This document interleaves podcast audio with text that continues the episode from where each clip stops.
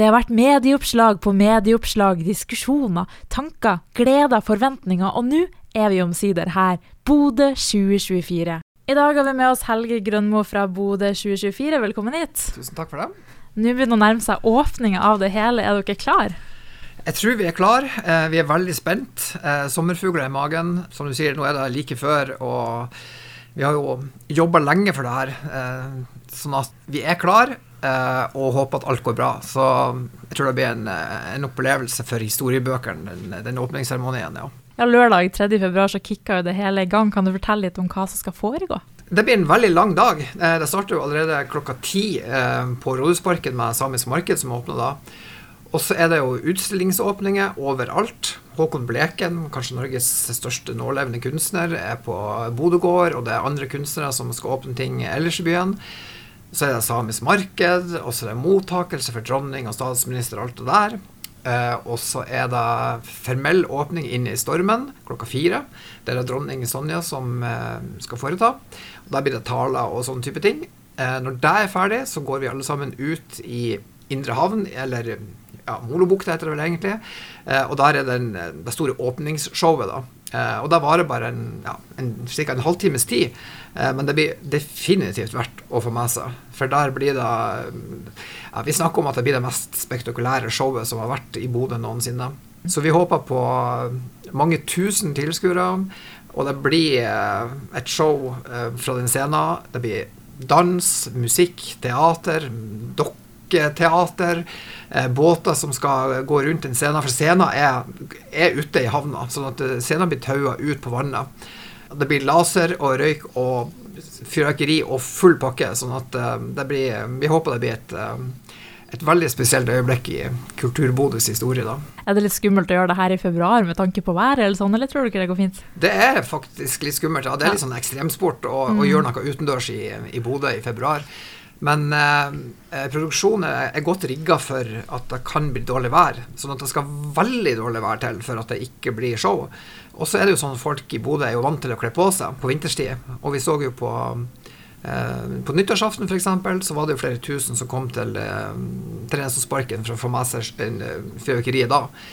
Eh, og det var ikke noe fint vær da heller. Sånn at eh, vi håper at, eh, at, folk tar turen uansett. Ta på deg godt med klær, varme sko. Og så er det ja, var ute i, i, i, god tid før showet starta, men det er jo ikke et veldig langt show, sånn at man skal ikke, man kan ikke fryse på seg sykdommer på den, den halvtimen showet tar. Mm. Og så er det jo sånn at når det showet er ferdig, så skal man jo ut i Bodø-byen og oppleve mer kultur. For da er det sånn type kulturnatt som foregår over hele byen. Og da er det eh, ja, det er konserter og forskjellige typer show da, rundt omkring på alle mulige slags eh, arenaer i, i byen. Og så avsluttes det med en avslutningsfest på beddingen for de som fortsatt har eh, Eller som har kondisjon til, mm. til enda mer kultur denne, denne dagen. Hvordan går man liksom fram når man skal skape en verdig åpning av det her året? Er det vanskelig å plukke ut hva som passer best? Det, som er fine med det, det er at folk er veldig forskjellige. Sånn at man kan egentlig velge ut det man sjøl syns er artigst. Eh, jeg tror at altså, den åpningsseremonien, den, den, må man bare få med seg. For altså, det er så spektakulært med det lysshowet og, og det fyrverkeriet og den musikken. Altså, det kommer bare til å bli en kul opplevelse, uansett om man er fan av musikk eller ikke liker kultur engang. Visuelt sett så kommer det til å bli utrolig stilig. Eh, og ellers så må man jo gå inn på anbefaler i hvert fall, å gå inn på nettsida til Bodø 2024. Så velger du det ut de tingene du tror du liker best sjøl.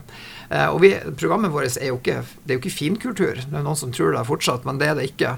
Eh, så det er jo mat, blant annet, er jo en del av kulturen vi driver på med. Og vi driver på med frivillighet. De internasjonale foreningene er veldig godt påkobla. Og det blir litt idrett, og det blir friluftsliv, og det blir alt mulig rart i løpet av året. Men eh, den åpningsdagen, sjekk ut hva du liker, og, og dra til sentrum. Og la det bli overraska, og la det bli inspirert. Og skal dere også ha et arrangement for de unge den dagen? Ung opening, kan du fortelle litt om det? Absolutt. Eh, det, en, eh, det, blir en konsert eh, i, på Svømmehallen scene.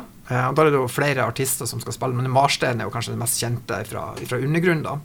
Eh, og så er det flere andre artister som skal spille denne kvelden. Eh, og vi la jo ut billettene for noen, et par måneder siden, og de ble jo solgt ut på, på, et øyeblikk. Eh, så der er det jo 1200 billetter som er solgt. Det er fullt. Der kommer man ikke inn hvis man ikke har billett nå.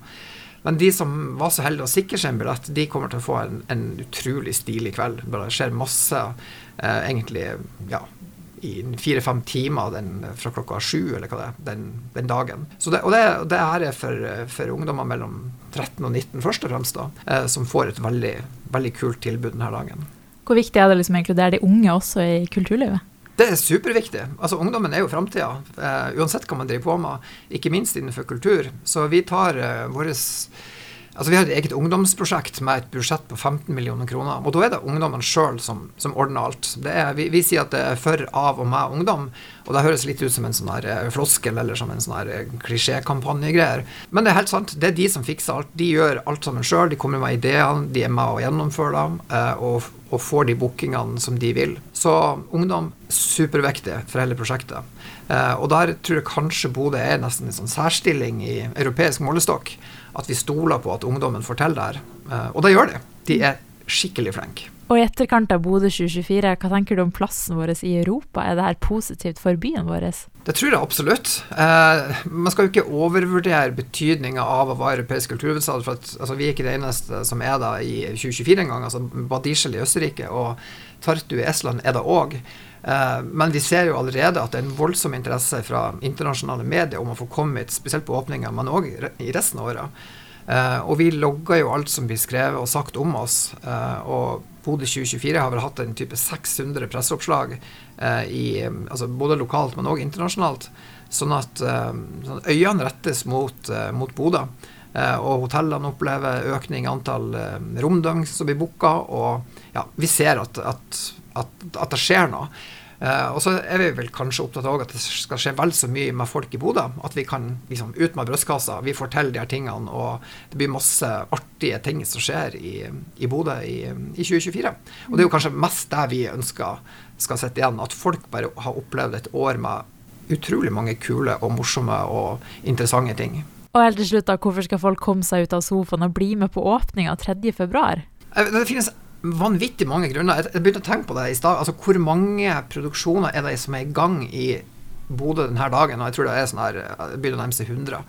Eh, sånn at nesten uansett hvilken type kultur du liker, eller opplevelser du liker, så er det verdt å ta turen til, til sentrum denne dagen. Du har åpningsseremonien som er spektakulær, men det blir òg nattåpne butikker, og det blir eh, konserter og utstillinger og mat og bare det å få være sammen med folk og ha det artig i lag. Eh, det er jo det som er magien ved kultur, det at man møtes, at man, har, man deler på opplevelser.